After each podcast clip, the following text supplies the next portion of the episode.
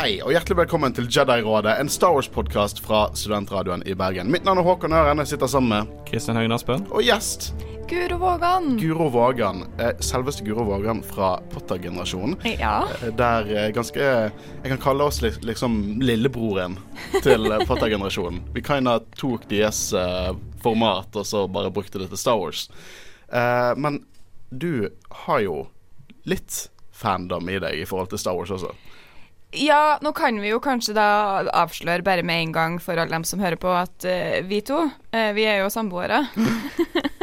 Det er nerdete, en nerdete leilighet, for å si det sånn. Ja, så jeg, har, jeg er jo litt uh, Star Wars-fan by default, på en måte. Jeg har ikke så mye valg. Kristian Christian kan si seg enig om at jeg, jeg snakker litt mye om Harry Potter i, i sendingene våre. Det, jeg, jeg Ja, altså, det kommer av og til, spesielt i den uh, The Chosen One-episoden Ja, vår. det er mye Harry Potter der. Ja. Der skulle du vært gjestguro. Ja. Jeg tror det blir nevnt i den Ja, episoden. det ble, jeg tror blir den flere ganger i den episoden der.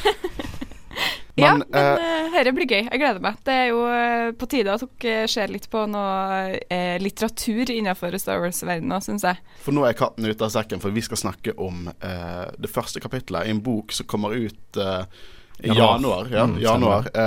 Eh, første, et av de første verkene i den nye eraen til Star Wars, altså The High Republic. Uh, denne boken er skrevet av eh, Charles Soule. Uh, jeg har snakket mye om verkene til Charles Soule, siden han har uh, skrevet eh, mange av de gode tegneseriene i blant annet eh, Rise of Kylo Ren, som vi eh, indirekte dekket i Kylo Ren-episoden vår. Eh, og eh, det som er kult med High Republic, da, det er jo det at det satt 200 år før Phantom Menace.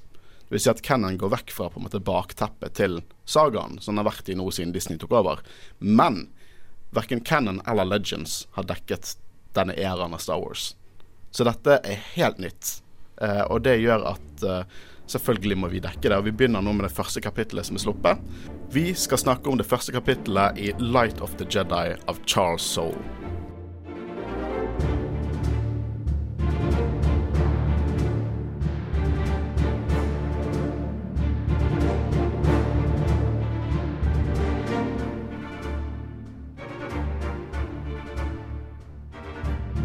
Vi kommer til å spoile første kapittel av Light of the Jedi. Du finner kapittelet på ign.com på nettet.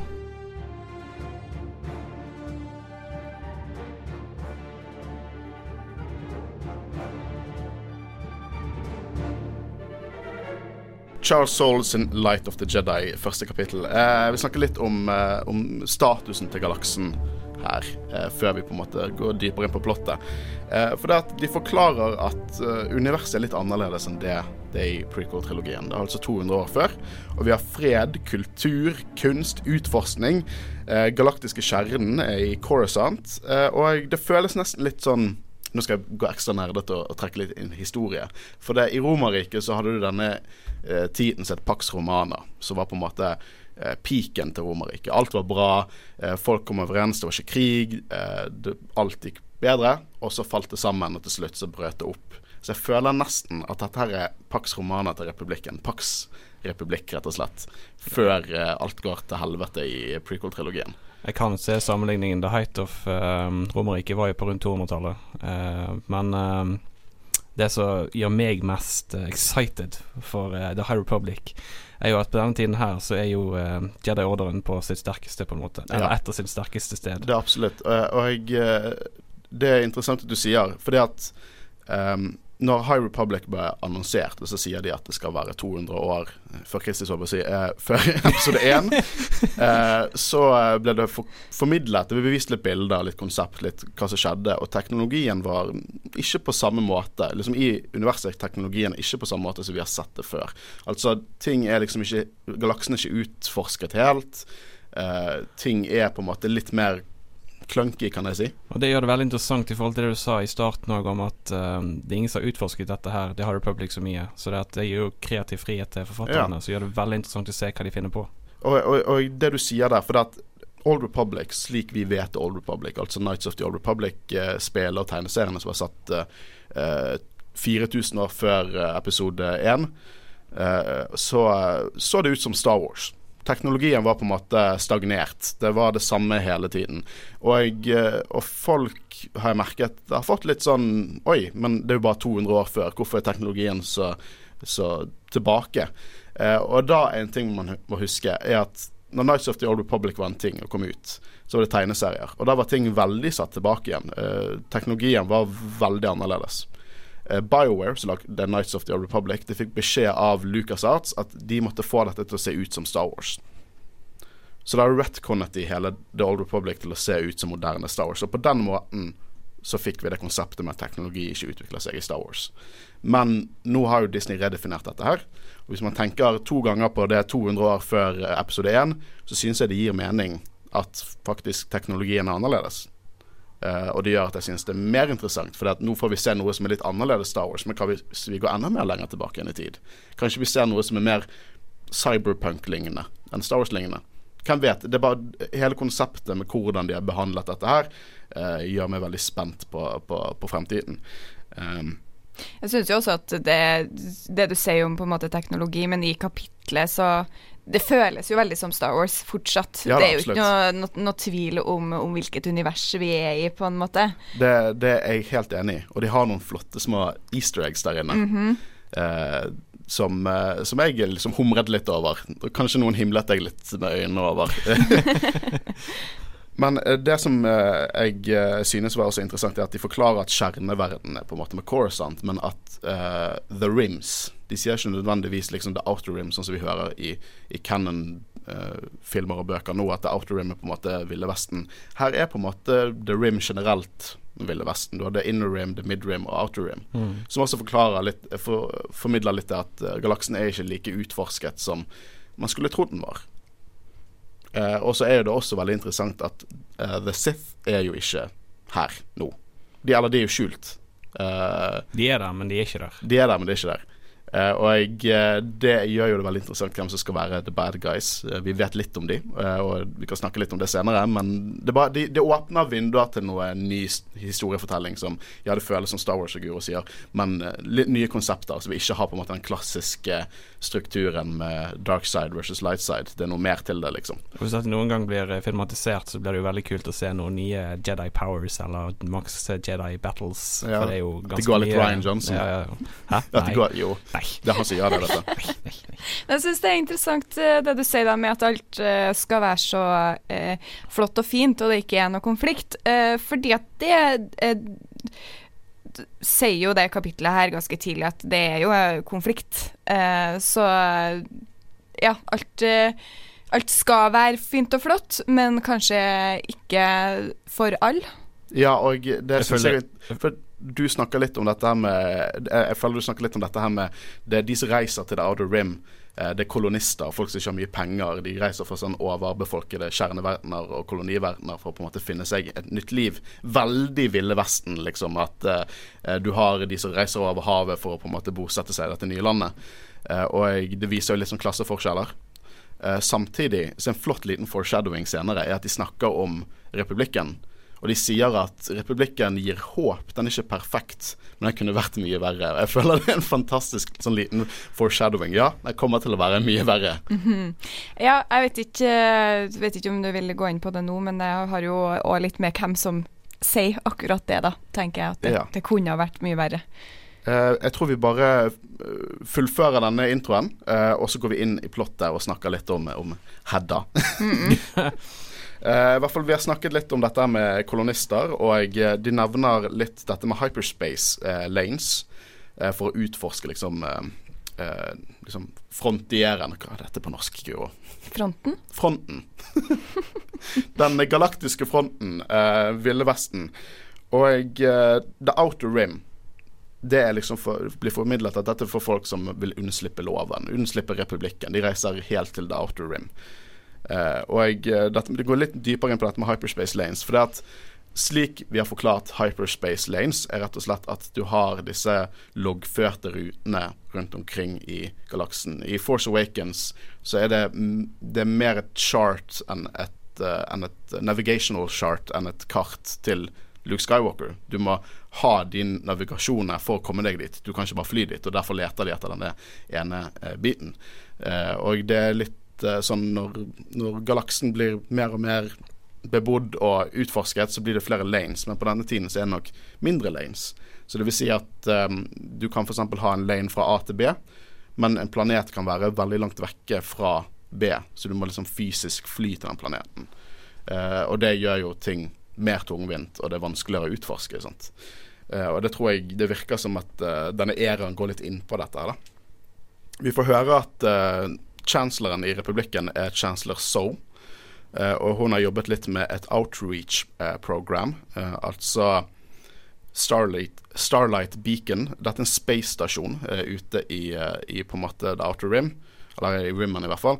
Og det har vært med i Cannon før. det er noe som Det har vært med i Cannon som en som oppbygging til High Republic, men i jeg tror det er Age of the Resistance-tegneseriene så besøker de den romstasjonen. da. Vi får også uh, litt dette her om, uh, om Jedi. At de er ute i, i de liksom lovløse territoriene og skaper fred og orden. Og at det som er interessant, de jobber uavhengig i tempelet på Coruscant. Og det syns jeg er litt interessant ting som står der. Hvorfor at de jobber uavhengig, og hva det vil si. Vil det si at vi kanskje har jedier som ikke er så mye trukket ned av reglene til tempelet og rådet? Eller vil det si at vi har kanskje potensielt mulighet til å få noen bad guy Jedi som går dark? Ja, det jeg syns den setningen var utrolig interessant. Eh, jeg var litt sånn Dette må være med av en grunn. Det må være skrevet på den måten her av en grunn. Og jeg tror nok de hintet til akkurat det du er inne på her, at her er det nok noen Jedis eh, som kanskje føler at, eh, at de the core jedis på en måte ikke forstår helt hvordan ting fungerer i det Det hadde jo vært veldig interessante fortellinger, det. Mm, og uh, gjør ting på sin egen måte. De vet liksom De får ikke hendene sine skitne ut mm. i liksom the rim. Uh, så det kan være veldig interessant. Nå vet vi ikke helt hvordan jediene fungerer på denne tiden. kan, tror, du, tror dere at det er store paralleller mellom jedier på denne tiden og jedier i episode 1, 2 og 3? Liksom, vil de være like ubrekkelig for reglene sine. Og husk at Joda lever jo. Joda er jo hva 600 år på denne tiden. Han, Joda skal være med i denne æraen. Vi har fått bilder av Joda fra denne tiden. Jeg vil tro at de er ikke helt like, eh, men eh, mer lik Jedis i på en måte prequel-trilogien enn noen annen plass ja. vi har sett dem, tenker jeg. Så kan man jo, hadde jo vært utrolig interessant hvis at uh, vi på en måte kan se litt ut ifra det som skjer i den boka her, hvordan de Jediene i prequel-trilogien ender opp med å være som de er. At ja. det er en eller annen konflikt eh, som skjer. De, de legger jo som hint til av foreshadowinger til det som skjer i prequel-trilogien her. Men Jeg tror ikke de er like naive og arrogante som de er i prequel-trilogien, da, men jeg tror de har paralleller. Men uh, ikke sånn store, føler jeg. Men Nei, de, er, de, er, de må nok være mer um, Min, de, jeg, ser for meg at de er, de er, er litt annerledes, ja. For litt, det, litt annerledes i form av annen galakse. Ja, det er så uh, er de på sitt sterkeste, så jeg tenker jo det at uh, de føler kanskje ikke det er noen trussel der ute for dem, så det, de er kanskje naive på den måten samtidig. Ja.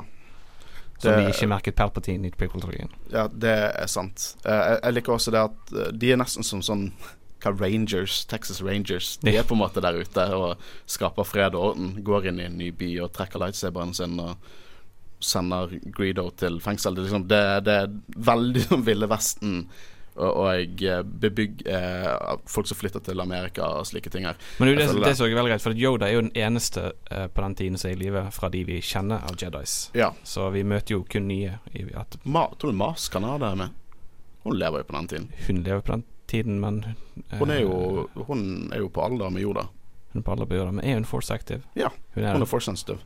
Okay. Maskanata, som dere, for dere som ikke husker, er fra uh, Force Awakens. Uh, hun har den katinaen på Takodana. Uh, som, hun er på Kanskje, alder med Yoda og force sensitive. Så, så, så får jeg Maskenata og Yoda på en kafé på en date? Kan, det, det hadde vært kult hvis ikke. Kanskje hun var en Jedi og ikke var det lenger. Kanskje sånn baby Yoda ble født. Nei, hva, hva, hva vet du? Oh. Eh, eh, eh, nei, eh, sorry. Jeg tar det vekk. like you I do. det som irriterer meg mest, er at tiden gir ikke mening til at baby Yoda skulle bli født der. Så jeg vet, nå er jeg sint på meg sjøl for å si det. Det er ikke canon. nei, men jeg likte, likte tanken. Ok, men la, la, oss bare gå inn på hva som skjer i denne fortellingen. For at, uh, vi, vi, har jo snakket noe om universet som vi har lest en hel bok, men det har vi ikke. Uh, vi fikk en, på en måte en liten, en liten, status av galaksen før kapittelet begynner. Og vi begynner med det første kapittelet. Uh, og det rett og slett handler om Hedda Cassett, en tidligere militærdame som nå har pensjonert seg, og måten hun har pensjonert seg på, er å begynne å kjøre sånne fraktskip. og jeg frakter varer og mennesker og, og på en måte, Hun er disiplinert, men dette er hennes eh, chille tilstand. Det, det å gå fra militæret til å på en måte være sivil eh, pilot, rett og slett. Eh, det er ikke veldig mye som skjer i denne historien. for vi, vi, kommer, vi, kommer, bare til å si hva som skjer nå, rett og slett. Det er det at uh, vi får mye tanker fra hun om hvordan det er å være her. Litt backstory. Litt sånn Ja, hun har, eh, hun har fått seg en rimjob, hvis det er lov å si. Hun skal, hun skal, frakte varer og folk eh, til uh, The Rim. Ja, det, det, er ikke feil. Og det var, det var ukens uh, Ja. Det, skal, det, er en rimjob. Uh, hun skal frakte varer, som du sier. Og jeg, rett og slett er det på denne ferden uh, så møter de noe i hyperspace. Noen objekter. Uh, noen objekter som gjør at Hedda rett og slett pusher skipet til sine sine grenser Noen prøver å manøvrere i hyperspace, noe jeg har lyst til å snakke om veldig etterpå. Og rett og slett slipper ut de uh, folkene, over 900, 9000 sjeler, står det vel i boken, ut fra hyperspace, rett og slett, for å prøve å redde så mange hun klarer, før hun blir rett og slett skipet ble revet fra hverandre i hyperspace, og hun dør. Skal du uh, sammenligne Holdo-manøveren nå? Nei, jeg skal faktisk ikke det. Men det er jo en Jeg tror denne boken går veldig inn på hvordan hyperspace fungerer. Uh, og det denne fortellingen handler om, det begynner med en countdown, det handler om den store katastrofen. For det vi har hørt om The High Republic, er at det skjer en stor katastrofe. Og det skjer rundt omkring i galaksen, og det har med hyperspace å gjøre. Og det er det dette går inn på, det er det vi skal diskutere litt. Det er så å si noe jeg hoppet over. Vi fikk med Rim Jump, vi fikk med Hyperspace Lanes. Det var liksom Det var det. Det var en grunn til at hun måtte manøvrere i hyperspace, og det var et svært objekt som hun måtte styre unna. Det var faktisk flere objekter. Ja, det kan godt hende, ja. Så vi skal diskutere litt hva dette kan uh, ha vært. da. Eh, jeg vil først snakke litt om hun uh, captain Hedda Cassett. Uh, Hedda, som jeg liker å kalle henne. Mm. Veldig norsk navn. Um, hun går som sagt inn på dette her med, med hennes historie i militæret, og snakker f.eks. om en Malastair Solast Joint Task Group, eller Task Force, i The Midrim. Masse sånne rims her. Og sånne ting Det sier meg ingenting. Jeg har aldri hørt om denne task forcen eller gruppen. Det er bare to veldig kjente planeter, og at de på en måte har hatt et samme, militært samarbeid i fortiden. Eh, som kanskje jobber mer på det at folk er veldig forente. Hun nevner Hutt Armada, som jeg oh. syns var veldig interessant. Mm. For på denne tiden kanskje The Huts rett og slett er type Empire i seg sjøl. At de i prequel-trilogien så har jo republikken nådd forskjell eh, lengre steder, større eh, rekkevidde og makt over eh, galaksen. Og da på en måte har de blitt et kriminelt empire, men det virker nesten som at de har, de har kraft. De, det, det, er en historie der. De, de har, de har nesten, Det virker som de nesten har vært i krig før. Som jeg syns er veldig interessant. Vi har, vi har, aldri sett noe sånt. Det var et mektig hus, kanskje, sett for Game of Thrones-sammenligning. Ja, men det er jo litt sånn Huts fungerer. Men Hutsk jo My favorites. De er jo så søte. Nei, fy faen. Det jævligste som uh, ikke, noen ikke, ganger er um, funnet på i en film. Står over. Ja, hun elsker Huts. Jeg får ikke lov til å kjøpe en actionfigur av Jabba. Nei, eh, ikke i min stue. Uh, hun snakker også om uh, noe veldig interessant, uh, eller egentlig ikke. For en nerd som meg så er det ganske interessant. Hun nevner The Income Z25 Busbug som er en fighter. Og det må nå være en referanse til Z95 Headhunter, som er på en måte en, et, et, skip som har vært med i mye Legends. Det var mest utbredt i Legends, men det ble tatt med i, i, i Cannon. Ja, jeg har vært med i en del verk for Cannon. Det ser nesten ut som en First Price X-Wing, den nye, den nye Z95. Det er som X-Wing uten fire vinger. Liksom, og, det, og, i Cannon så er det ganske drittskip, har jeg forstått. Men det viser litt sånn OK, Bussbug, Headhunter det var mindre badass-navn back in the day, kanskje, men uh, det er en kontinuitet der. Um, hun for, uh, forteller jo det at hun, hun, har vært i militæret i 30 år uh, og har flyttet over for å jobbe for The, The Bjørn Guild, B- Bjørn, Bjørn Guild, Y. Ja. ja. Mm. Eh, og det er hennes versjon av å pensjonere seg, rett og slett. Bare fly disse lasteskipene. Og, og nå flyr jo hun uh, et skip som heter The Legacy Run. Og uh, det er et Det blir forklart nesten som et sånn Sånn skipet til Han Solo i Force Awakens. Det virker som det er veldig modulært. Masse forskjellige sånne moduler som kan bli festet. Og du, eh, Guro, snakket jo litt om før vi spilte inn dette her, eh, at de fortalte at de hadde, de hadde rett og slett fraktet et sjøbeist, rett og slett. Ja, eh, en saberfish. Men det, ja, så det er jo et, et skip som kan brukes til mye. Hun snakker liksom om hvordan de måtte på en måte bygge om skipet, sånn at det kunne være en svær vanntank for denne fisken, da, som det var en eller annen grevinne, tror jeg, eh, som, som da hadde Ja, Countess on Abrigado. eh, som hadde bestilt denne her fisken. Eh, og ikke bare måtte de frakte den dit, men de måtte også frakte den tilbake eh, når den fisken da ble syk. Eh, og jeg syns at dette her var utrolig interessant, eh, litt som jeg var inne på tidligere, med eh, hele galaksen og hvordan på en måte den hvordan statusen er. Fordi hvis det finnes folk som har så mye penger at de kan bruke det på å betale for å få frakta til seg en svær fisk som de ikke engang egentlig vet hvordan de skal ta vare på, som da også må fraktes tilbake igjen. Eh, fordi at de har rett og slett ikke klart å ta vare på den på ordentlig vis. Eh, da tenker jeg at da er det noen som har for mye penger, og hvis det er noen som har for mye penger, så er det noen som har for lite penger. Men kan vi trekke inn litt paralleller der til nesten sånn The American Dream? Ja. Derfor at folk er på en måte happy fordi de har sjansen. For det virker, det virker som det er ganske fryd og gammen i galaksen her. Liksom, folk har harde liv, men det er håp. De snakker veldig mye om håp. I hvert fall håp om å lage seg et nytt liv i The Rim. Så må vi jo huske da at dette her er jo fra Hedda sitt perspektiv.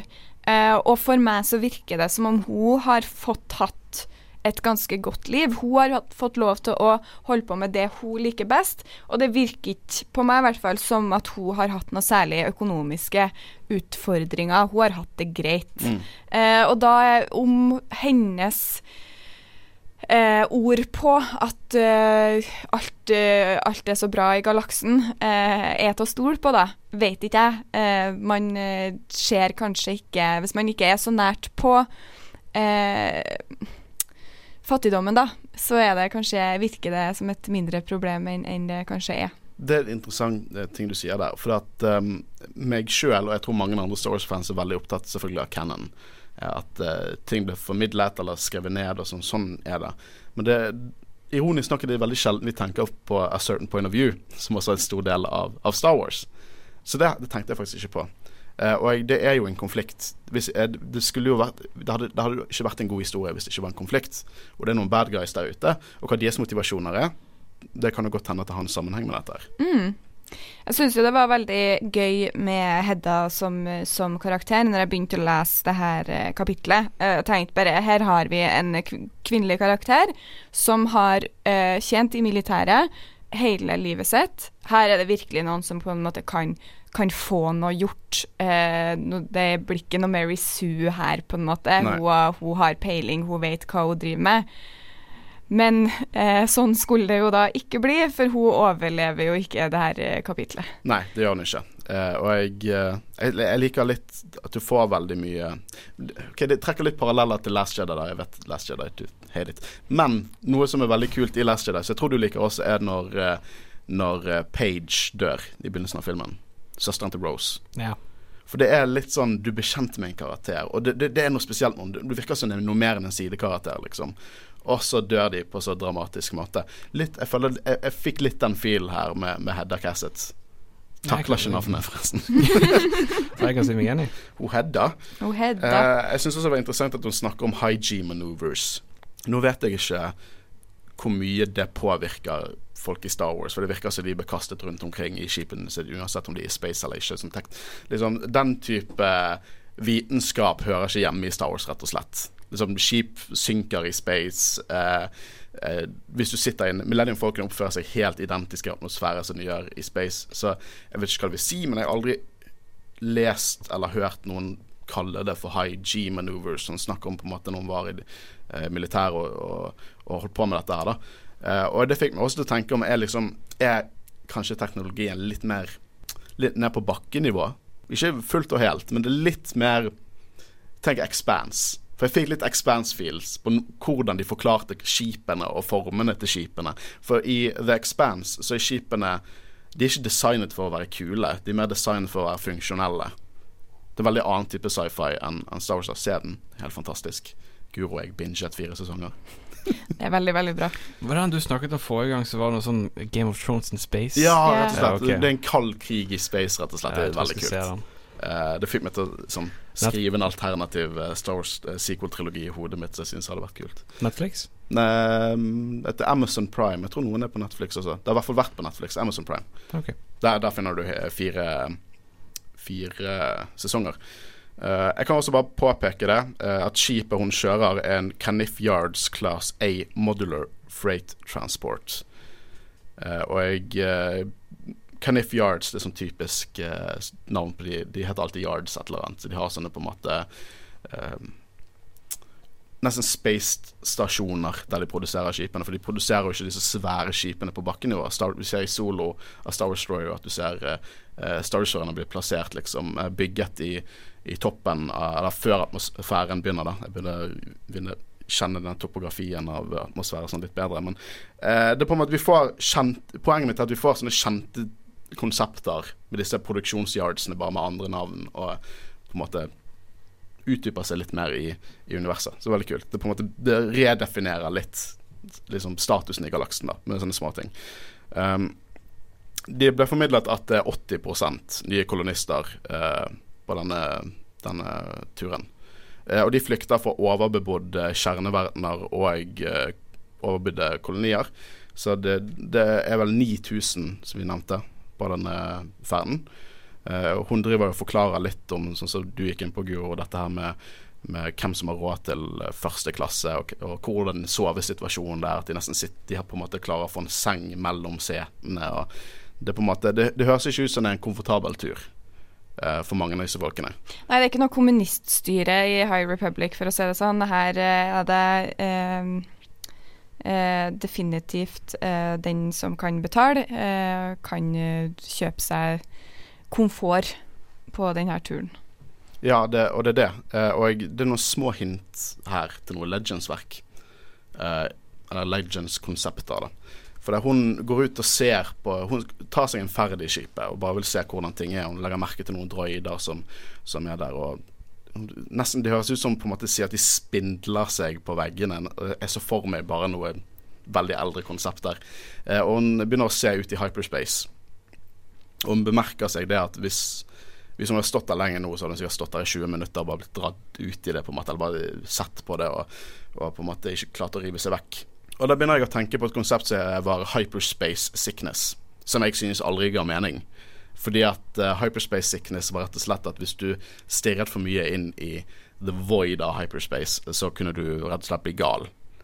Uh, som jeg ikke synes gir mening, for skal man bare ikke sitte i cockpiten sin når man, man flyr da.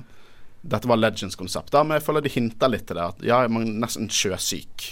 Man kan bli liksom dratt inn i det. Ja, for det kan jeg se. det. Altså, hvis du ser på bølgene, og du er ikke vant med å være på båt, så kan du bli båtsyk. Ja, hvis du ser sant. på space, altså når du er i hyperspace, så kan du bli litt sånn kvalmen av det òg. Ja, det, og, og hun, Det sier jo, hun sier jo at hun har, hun har holdt på med dette i 30 år, sant? men allikevel så er det en ting som kan påvirke henne. Og hun snakker litt om hyperspace, at de ikke helt skjønner, forstår det.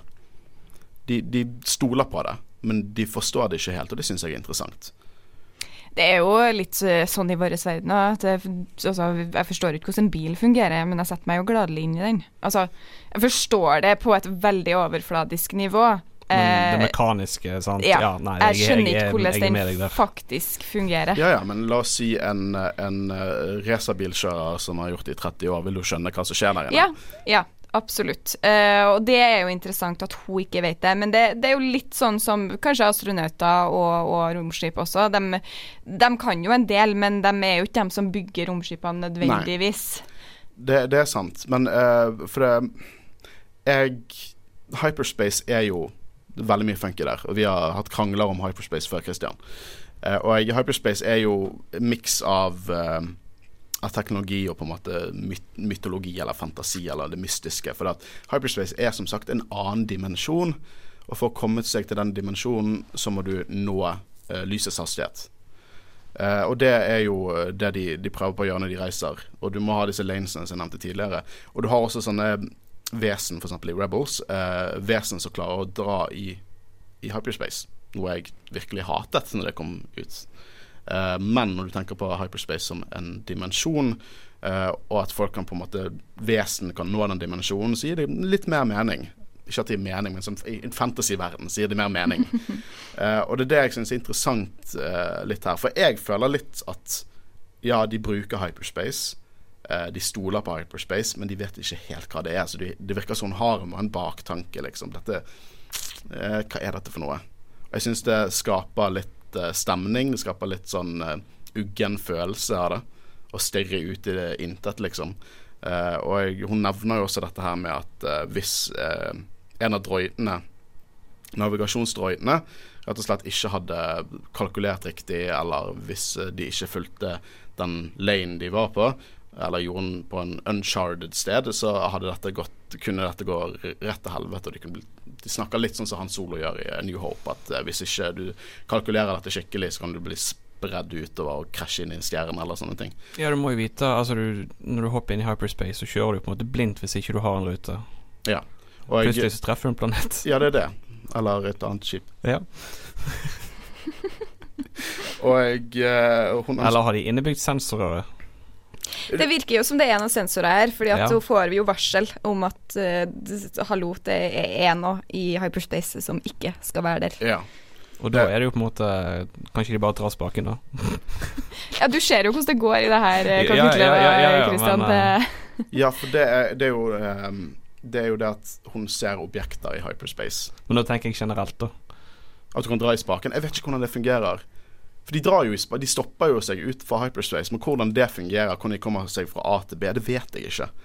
Jeg håper kanskje denne boken gir litt mer innsikt på det. det virker jo litt sånn, da, fordi at uh, For at det jeg tenker at det er noen som har putta de her objektene inn i hyperspace. Mm. Eh, og for at de skal kunne få til å gjøre det, så må de jo ha en viss forståelse av hvordan hyperspace fungerer. Og det jeg tenker da, er at en del av denne boka vil gå på det, tipper jeg, at Chancellor So eh, skal prøve å finne ut av hva det er som foregår, og derfor også må finne ut Altså ikke hun personlig, men hun har sikkert noen eh, smarte hjerner som, som, jobber for henne, som kan prøve å finne ut litt mer om hvordan hyperspace fungerer. Ja, for, um, for bare å, å, oppsummere, egentlig, da. For det, hun gjør mye Hun går på denne turen sin i skipet, møter bl.a. Uh, Serge. Dette før hun møter objektene. Og Serge uh, er lei av alle holoene som skipet tilbyr. Og uh, det hinter sterkt til at han har sett på pornoholo i Star Wars-universet. R-rated. Ja, han klager over at han er lei av, eh, av eh, den begrensa underholdninga de har med seg på det her eh, skipet. Og så sier Hedda at hun vet at han har vært inne og snika på ting han ikke skal snike på. Mm. Så. Eh, ja, Om det da er porno eller ikke, det, det er jo sterkt hinta til det. Reaksjonen til de ungene ja. tilsier at det var porno de har sett mm. på. Uh, jeg liker også noen små easter eggs her, for det at uh, han Hedda ser bort på en ortolan. Men ortolan er jo som vi er den blå elefanten fra Return of the Jedi. og han, hun sier nesten litt sånn meta Ja, det er ikke vanlig at vi ser de, men de er nå her, og alle, men alle er folk, liksom.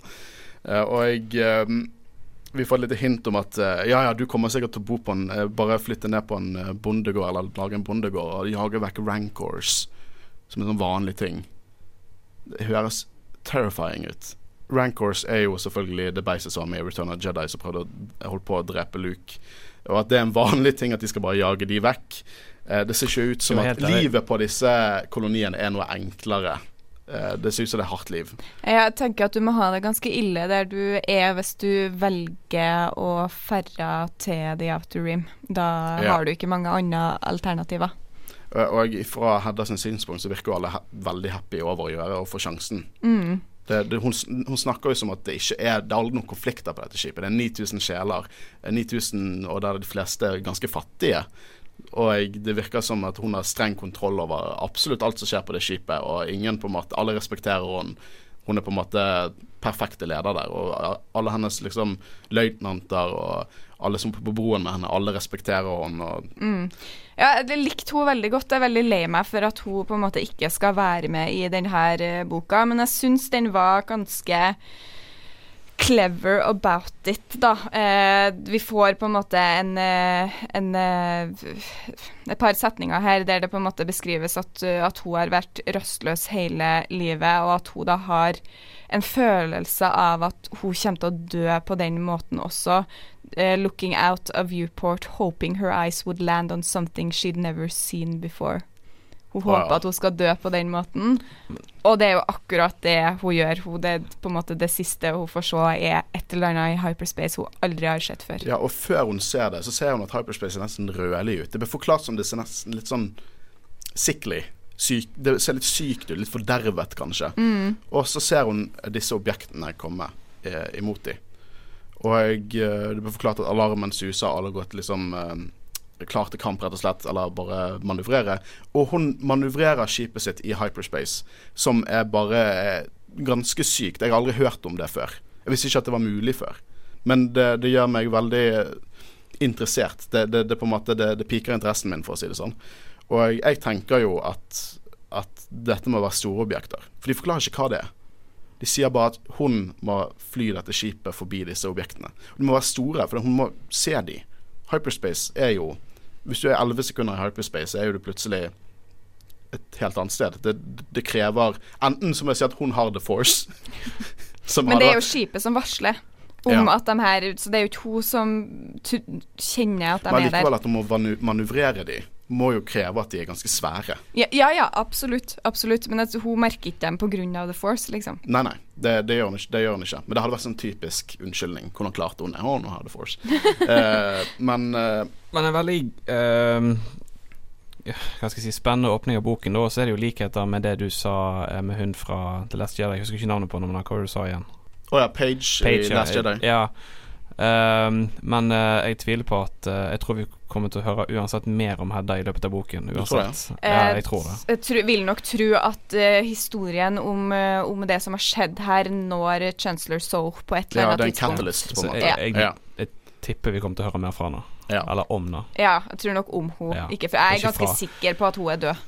Ja, Eh, det, det tror jeg nok. Hvis det ikke det er en stor kan- twist at hun Ja, men det kan jo på en måte være en eh, Hva skal jeg si forscene, eller ja Ja, hva- ja sånn Ja. som de gjør i uh, serie eller noe sånt av og til, eller filmer.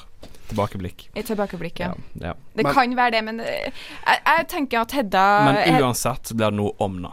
Ja, Ja. Hedda er en, er en karakter som på en måte Jeg syns hun var en god karakter for å være en sånn throwaway-karakter, i likhet med hun Page eh, Mm. som dere snakker om. Du har nominert henne, liksom. Der vi får utrolig mye informasjon om universet fra henne. Mm. Eh, og hun på en måte er en karakter som er lett å like, fordi at hun åpenbart har peiling på det hun driver med, og hun bryr seg om det hun jobber med, og hun bryr seg om dem hun har med seg. Hun føler et ansvar for de passasjerene hun har på det skipet. Ja, og apropos det, det siste hun gjør, er jo det at hun, hun manøvrerer for, rett og slett forbi disse objektene, men Legacy klar, takler ikke. Skipet river seg sjøl i fillebiter rett og slett i hyperspace, men rett før hun dør, så slipper hun løs disse modulene som vi snakket om til skipet, sånn at eh, disse kolonistene kanskje har en sjanse til å overleve. Men sånn jeg ser det, er jo at kolonister blir nå revet ut av hyperspace på et tilfeldig sted. Så det er veldig små sjanser for at noen overlevde i det hele tatt. Men hun følte jo at Hun sier jo vel det at Eller hun tenker det at det, det siste hun gjør nå, er å ikke vite om hun reddet noen, Ja. og så dø. Ja. Eh, og jeg syns at det var eh, veldig interessant, og jeg tror nok definitivt at noen fra det skipet overlever. Mm. Og at kanskje en av dem er en av de synspunktene vi skal følge Ja. videre i denne boka. Jeg beit meg litt merke i Surge, som eh, du mm. snakka om. Uh, han blir jo på en måte beskrevet som et barn, men også i den scenen når, når hun på en måte sprenger tilbake til uh, Hva heter command eh, broen, liksom. ja, ja. Uh, og på en måte skal begynne å manøvrere her, så ser hun på en av dem som på en måte jobber der, eh, og tenker at han er ikke mye gamlere enn Surge, Ja. egentlig. Så ja, Surge er her på en måte et barn, men samtidig Altså, han må være mer en tenåring, tenker jeg, hvis da noen som jobber på, på broa, ikke er mye gamlere enn han. Det, er et interessant for Det jeg tenkte på når jeg leste dette her, om denne kadetten som var ca. Surge sin alder. Jeg tenkte på litt sånn eh, viktorianske tider med sjøfart og sånn. For da var jo det at disse som skulle bli offiserer, de jobbet som underoffiserer fra alderen etter sånn tolv år. Og så bodde de bare på skipet. Og alle disse store admiraler, sånn som Nelson og sånn, det var, det var De hadde som guttunger vært på sånne skip. Så jeg lurer på, kan det være en parallell der, eller betyr det sånn som du sier, at kanskje de er litt eldre enn det vi tenker? Ja, eh, det kan jo også være at de ikke på en måte er så gamle som du sier, men at han på en måte likevel blir revet med på det her. Vi kan få et hopp i tid òg, for Mm. alt vi vet. At eh, Surge, eh, vi møter Surge om et par år.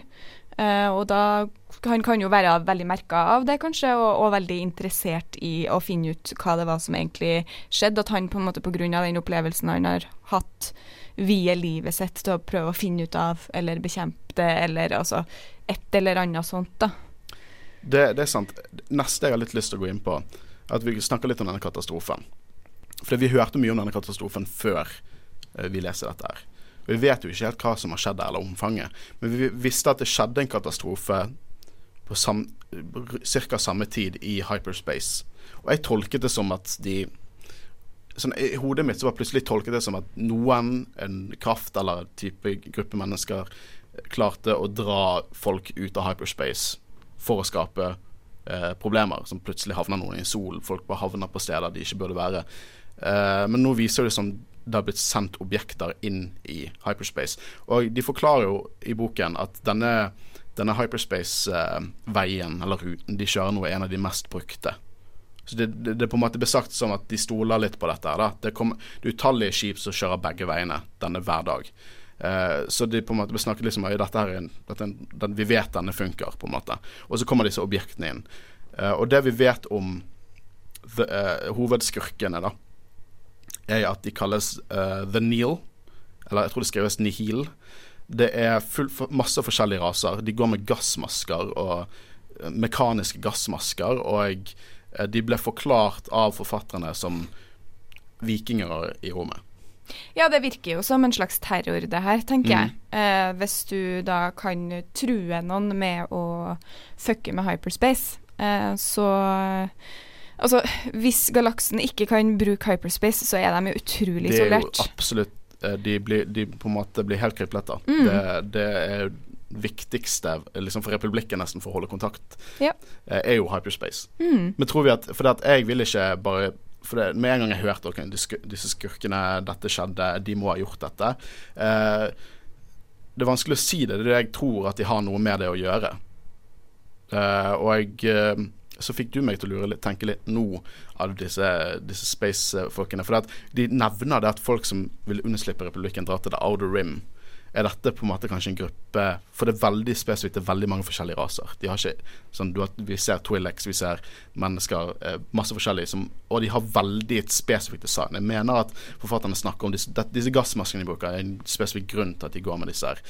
At det, disse har samlet seg i the outer eh, rim, da, og rett og slett er en det er ikke så fryd og gammen som vi tror. Det er store på en måte problemer, og disse her føler republikken skylder de noe. Og Ja, det er mest sannsynlig folk som ikke har blitt behandla så godt av eh, republikken fra før. Reist til The Outer Rim, møtt likesinna der og tenker at uh, nå uh, skal vi ta det tilbake som vi aldri fikk, som vi også fortjener, på en måte. Og det, det, det, og jeg, det som jeg mener må være det, det jeg synes bør være vesentlig en viktig faktor i fortellingen, er denne uh, Starlight Beacon. Denne romstasjonen. Dette outreach-programmet. Uh, og jeg mener å ha lest at det skal, eh, det, det, det, har en, det skal ha en viktig rolle, men hva det vil si, det vet jeg ikke ennå. Vi har ett kapittel av uh, en bok. Vi vet Vi er på toppen av toppen av isberget her. Men Definitivt. det er nye farvann i Star Wars, og eh, det er ting vi ikke har sett ennå. Og jeg, jeg Det er den følelsen jeg har nå, som første gang jeg spilte Nights of the Old Republic. Fordi at jeg elsket Mandalorian, så de var med der.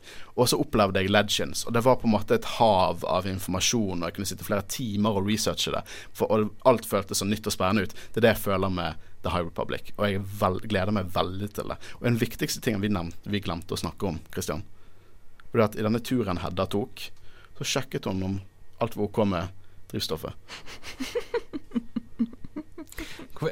Den burde jeg sett komme. ja, det burde jeg. Den er kronologisk første gang uh, i Star Wars-universet der Christian tar feil. Du, fra Frozen. Let it go! Og never. Men dette er en bok vi selvfølgelig skal dekke. Og du skal jo lese den også, skal ikke du? Ja, det skal jeg definitivt.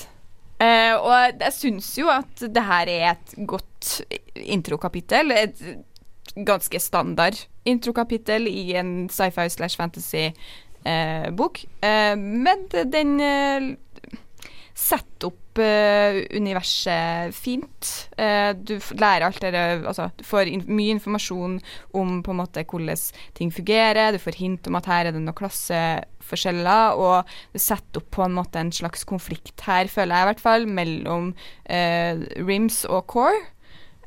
og så kan jo bare alt skje herifra. Og selvfølgelig sette opp det som kommer til å være hovedfokuset, den her, de her objektene i hyperspace, og hva er det for noe.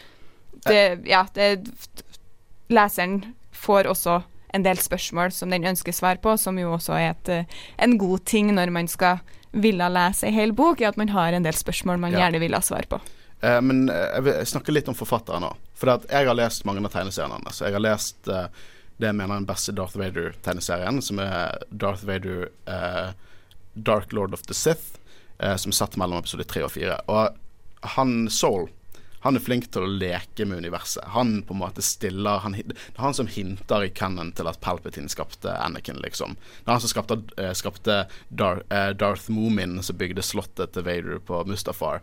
Han har, det er han som knyttet dette opp mot sequel-trilogien. Hendelsene mellom, eh, mellom trilogiene opp mot sequel-trilogien, der Vader hører stemmen til Kylo Ren i en visjon, liksom. Han er veldig flink til å få dette universet til å på en måte til å bygge på kontinuiteten, til å lage interessante og uh, rett og slett wow-øyeblikk. Og det gjør at jeg er veldig hypet på denne boken, fordi jeg har lyst til å ha de øyeblikkene når jeg leser det. Men du har hørt ett kapittel fra hans andre verk. Han har jo skrevet bøker før. Ja, litt mer enn ett kapittel. Uh, men uh, jeg har ikke hørt så mye ennå. Jeg har uh, hørt på lydbok The Oracle Year, som er på en måte først, hans første bok som ikke har noe med noe franchise å gjøre, på en måte. Det er bare han som har sin egen idé, som da handler om eh, en eh, mann eh, som plutselig får på en måte eh, predictions eh, som da blir sann, eh, og så handler boka om hvordan Hva skjer?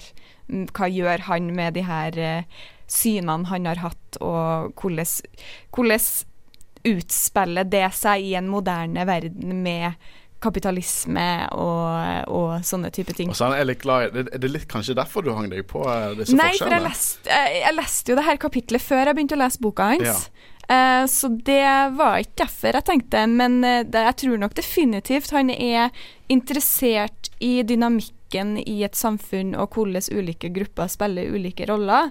Så det kan jeg se at kan være et fellestrekk mellom The, The Oracle Year og den, og den boka her.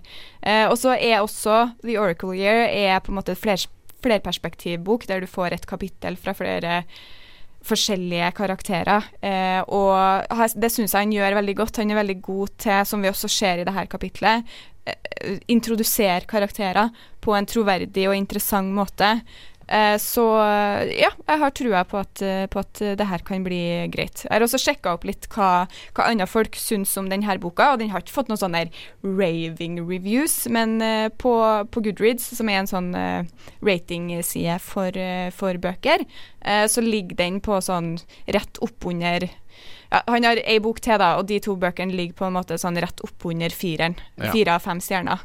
Eh, som er ganske bra. Da er du over eh, altså Hvis du da tenker at 3,5 er, er, Eller 2,5 er ei helt OK bok, så er jo nesten fire veldig bra. Ja. Jeg, jeg, jeg tror at um, han liker litt uh, wacky konsepter mm. i storytellingen, og jeg elsker når Star Wars går wacky uh, og blir weird. Derfor jeg liker Last Jedi. Ikke sant, Christian? Don't go there. Ja. Men jeg, jeg er ganske sikker på at dette kommer til å bli den første boken vi dekker. Hvordan form, eh, formatet blir nå. Det var veldig enkelt å dekke ett kapittel litt tradisjonelt, sånn som vi gjør det. Men- Altså, jeg eh, eh, Jeg ble interessert i boken Når jeg leste første kapittel nå, men jeg er sikkert den garantert den som leser minst bøker Men har du fra hørt eh, fra om, eh, om uh, audible.com? Nei. Der kan du høre lydbøker, og du får den første gratis fra i, eh, i, gratis. Ja, jo, men jeg, jeg tror jeg må ha meg en tur på Outland. For at jeg, Ja, men du- ja, men, jeg, ja, men eh, Lydbøker fra, fra, deg, fra deg og Håvard Så har jeg sikkert lest minst bøker, så jeg har Du, jeg, jeg, jeg er mye ikke flink på bøker. Hun sitter Nei, men jeg her må, og jeg må uansett kjøpe Darth Vader Comics og de greiene. Ja, jeg, jeg, må- jo få lese Men, meg opp men, på eh, dette. når Men jeg kommer garantert til å kjøpe boken. hvis du skal leser ly bøker, så ta lydbøker. Det er John Williams-musikk i bakgrunnen og lydeffekter. Det er som å høre en film. Star Wars-lydbøkene er bare helt fantastiske på den måten. James Williams med bakgrunnen. Ja, OK. Ja. Ja, det er det. Det er skikkelig kult. Og sånn pew-pew. Ja, det er pew-pew. Masse pew-pew. Ja. Eh, jeg Men jeg, jeg er jo litt mer glad i å holde en bok i hånden og lese ja, men du sier det helt til du hører pew-pew. Okay, okay, greit. yep, ja. Hvert fall, Det kommer fem verk til The High Republic. Dette er en liksom ho Følger det hovedverket. da Det er romanen av uh, Charles Saul. Men det kommer også en young adult, uh, som jeg også er ganske hypet på. Det kommer en junior novel, som jeg ikke er helt på der. Og så kommer det to tegneserier. Og jeg, jeg håper dette blir populært. For kanskje vi kan få se filmer eller spill eller noe sånt innenfor High Republic-æraen. Det har jeg ekstremt lyst til å se. eh. Eh, jeg gleder meg veldig til hvor Star Wars går videre nå. Men Guro, Ja. Du snakker ofte om Harry Potter, gjør ikke du? Jeg snakker veldig ofte om Harry Potter, faktisk. Jeg har snakka uendelige timer eh, på studentradioen i Bergen om Harry Potter.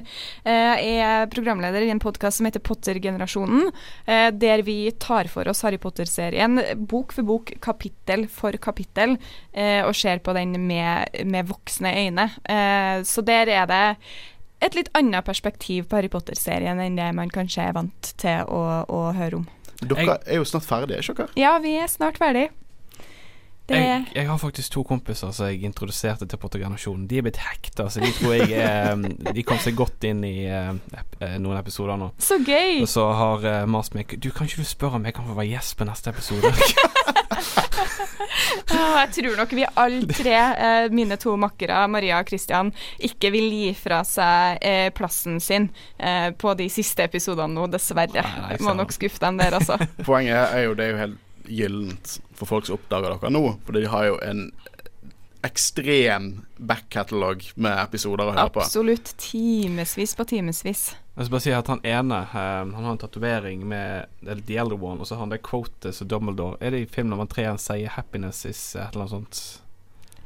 Uh, happiness can be found Ja, et eller annet if you only, only remember to turn on the light. Ja, der har du mm. det. Takk. Yep. Det er i hvert fall en fantastisk podkast. og det har inspirert oss til å, til å starte dette her. Eh, og vi har jo takket dere før utallige ganger for den støtten dere har gitt oss, så igjen takk for det. Ja, tusen takk for at jeg fikk lov til å komme og være med og snakke om det her kapitlet. Jeg syns det var kjempegøy. Eh, og så kommer jeg gjerne tilbake og snakker om boka òg. Det, det har vi veldig lyst til. Det, du, merker, du, du har tanker, og du er, mer, du, er mer, eh, du er mer på bøker enn det vi er. Så det kan hende du ser, og du har sett ting jeg ikke har sett. Eh, Christian vet vi du har sett ting som ikke han har sett. Se på han, da. Hæ? Hæ?